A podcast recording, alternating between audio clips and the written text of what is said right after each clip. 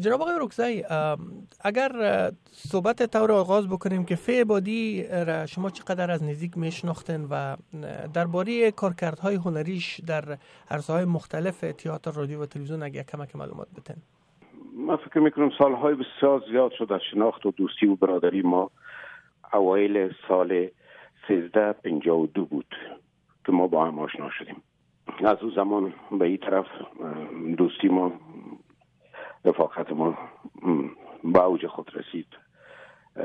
و حتی با رفت آمد فامیلی و دوستی و محبت و صمیمیت و او حیثیت یک برادر و ما داشت و همیشه دوستش داشتم. یک انسان با شخصیت با کرکتر.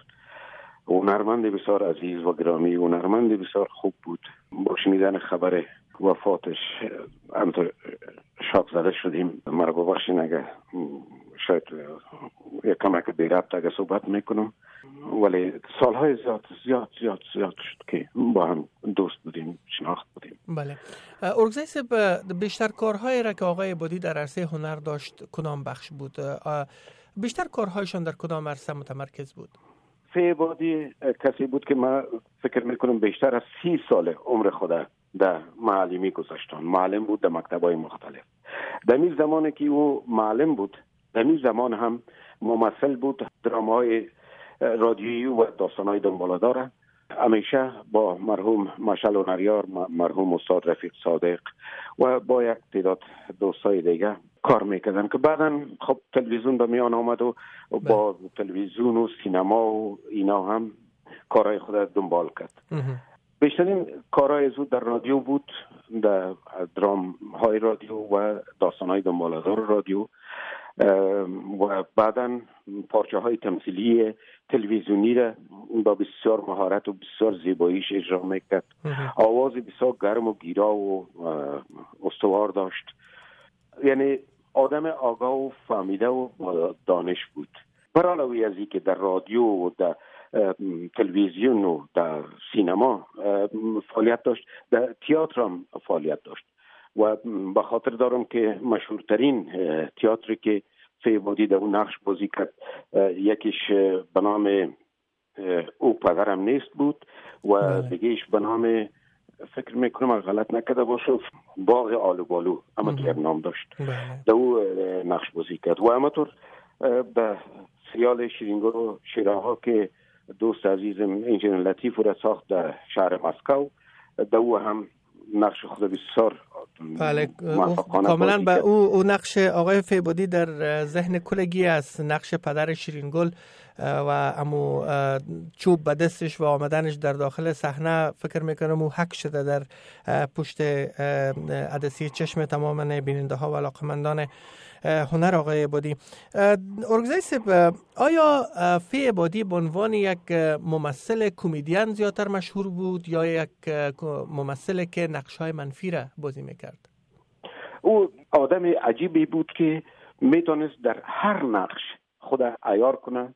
و در هر نقش اینقدر عمیق و مورد قبول نقش خود بازی کنه که هیچ قابل تصور نبود. مثلا در نقش های تراژدی هم که وقتی که داخل می‌شد به شنونده گریه می‌کرد و به نقش های کمدی از خنده خود گرفتن نمی‌تونست خنده می‌کردن. بله. یعنی او نرمندی بود که هم گریه می‌داد هم میخنداند. هر کارش کلگیش به خاطر بیبود زندگی مردمش جامعش بود. بله. خب نمایشنامه هم می خودش نوشته می‌کرد نمایشنامه بسیار زیاده. من در مورد فیبادی هر قدر که بگویم کم است اما آقای مشرف ای کاش که شما کت فیبادی خودتان در زمان صحبت می‌کردین. ای بله. کاش در او وقت در چیزایی که ما گفتم از خودش میپرسیدیم ما ما از تمام رادیوها تلویزیون ها و از تمام میدیا گله دارم تمام هنرمندای ما وقتی که زنده هستند هیچ کس از او احوال نداره. در چی حالت در زمان مرگشان بله کاملا. ما, با یه حرف شما کاملا موافق هستم آقای ارگزی می‌خوایم به تایید گپتان بگویم که زمانی که در رسانه های اجتماعی تصویر یک هنرمند ما می‌بینیم بنابر هر علت که تصویرش هست اولین چیزی که در ذهن ما میاد که مگر خدا نخواسته باشه ای فوت کرده باشه که عکسش انداختن. ایره کاملا شما راست میگن رگزه آخرین تماس شما با آقای بادی چی وقت بود؟ و اگر به عنوان حسن اختتام یک خاطره خوشتان از دوران کاریتان با آقای بادی در ضمن امی دو سوال یک جایی بر ما پاسخ بدن ما یک مدت طولانی بعد از اینکه مهاجر شدیم تقریبا همزمان از افغانستان بر آمدیم آمدیم مسکو. در مسکو زندگی می‌کردیم و چند سال را از سال 92 به او طرف دیگر در مسکو بودیم و سال 19 فکر می‌کنم 98 بود که خدافیزی کردیم و او سپار اروپا شد و ما ماندم در مسکو و در کشور اتریش شهر وینیان زندگی می‌کرد تا به حاله خاطرات خوش و خاطرات ناخوش اردوش با فیبادی دارم. خاطرات خوش من با فیبادی امو لحظه بود که ما هر لحظه صدای قهقه خنده از میشنیدم. و ما تمام درد و غم و رنج و فکر که نارامه که داشتم در مهاجرت و دوری با دوری از وطن دوری از مردمم و برای اولین بار از زندگیم در زندگیم وطن ما ترک کرده بودم. برای ما بسیار غمانگیز بود. ولی فی بودی کوشش می‌کرد مرا آرام بسازه کوشش می‌کرد با یک خنده با یک فکایی یا با یک موضوع دیگه ذهن مرا ببره دیگه طرف نمانه که ما دپریشن مرا بگیره یا زیاد فکر بکنم که در حالی که خودش امو احساسی که ما داشتم او هم داشت. اما کوشش می‌کرد مرا آرام بسازه. کوشش می‌کرد که نمانه که ما زیادتر رنج دوری وطن و مردم خود اس کنم. اینمی خاطری خوشترین خاطره می که اللحظه او با ما بود. کاملا.